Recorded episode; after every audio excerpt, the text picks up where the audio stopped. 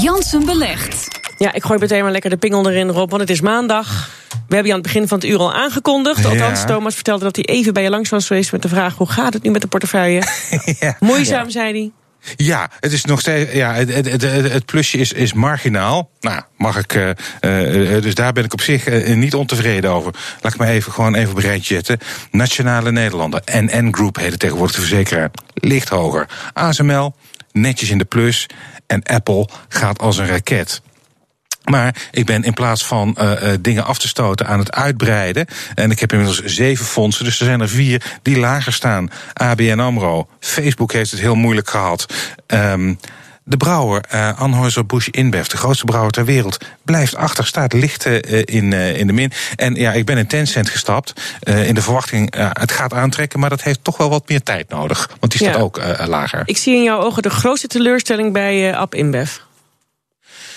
Of is dat omdat je gewoon van bier houdt? Uh, nou, op, op zijn tijd een biertje vind ik wel lekker. Maar uh, uh, ik, ik, ja, het, is aan de andere kant natuurlijk ook wel logisch dat groeiers. Uh, en de technologie waar veel gebeurt, dat daar veel groei zit. ASML ja. heeft een bijna dominante positie. Dit zijn, juist bij AB InBev gaat het om de langere termijn. Die bewegen wat rustiger, wat minder heftig dan bijvoorbeeld een bedrijf als Apple of ASML. Overigens gaat Apple ook al jaren heel steady, heel erg goed. Ja. Um, Nee, het, het, het, heeft wat meer tijd nodig. Ja? Je, moet, je moet geduld Moet je geen hebben. afscheid gaan nemen van bepaalde beleggingen?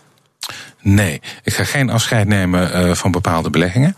Um, uh, ik vind dat de selectie van bedrijven is, die zijn kwalitatief goed. Dus ik uh, geef ze de tijd om door te groeien.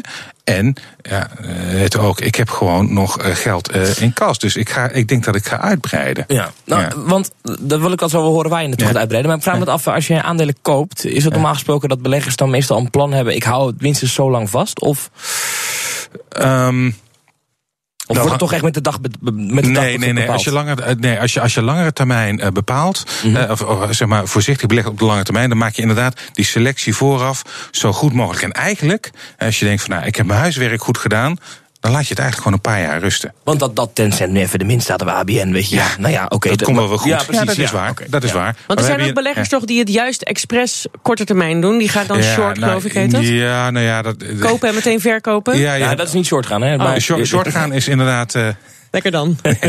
Short gaan is dat je speculeert op een daling. Uh, uh, tricky business, oh ja, tuurlijk, dan, ja. dan moet je echt wel weten ja. uh, wat je doet. En uh, snel handelen. Je hebt natuurlijk ook daghandelaren die uh, zeg maar van, van, van verschillen op één dag of in een week uh, willen profiteren. Nou, op de hele korte termijn handelen.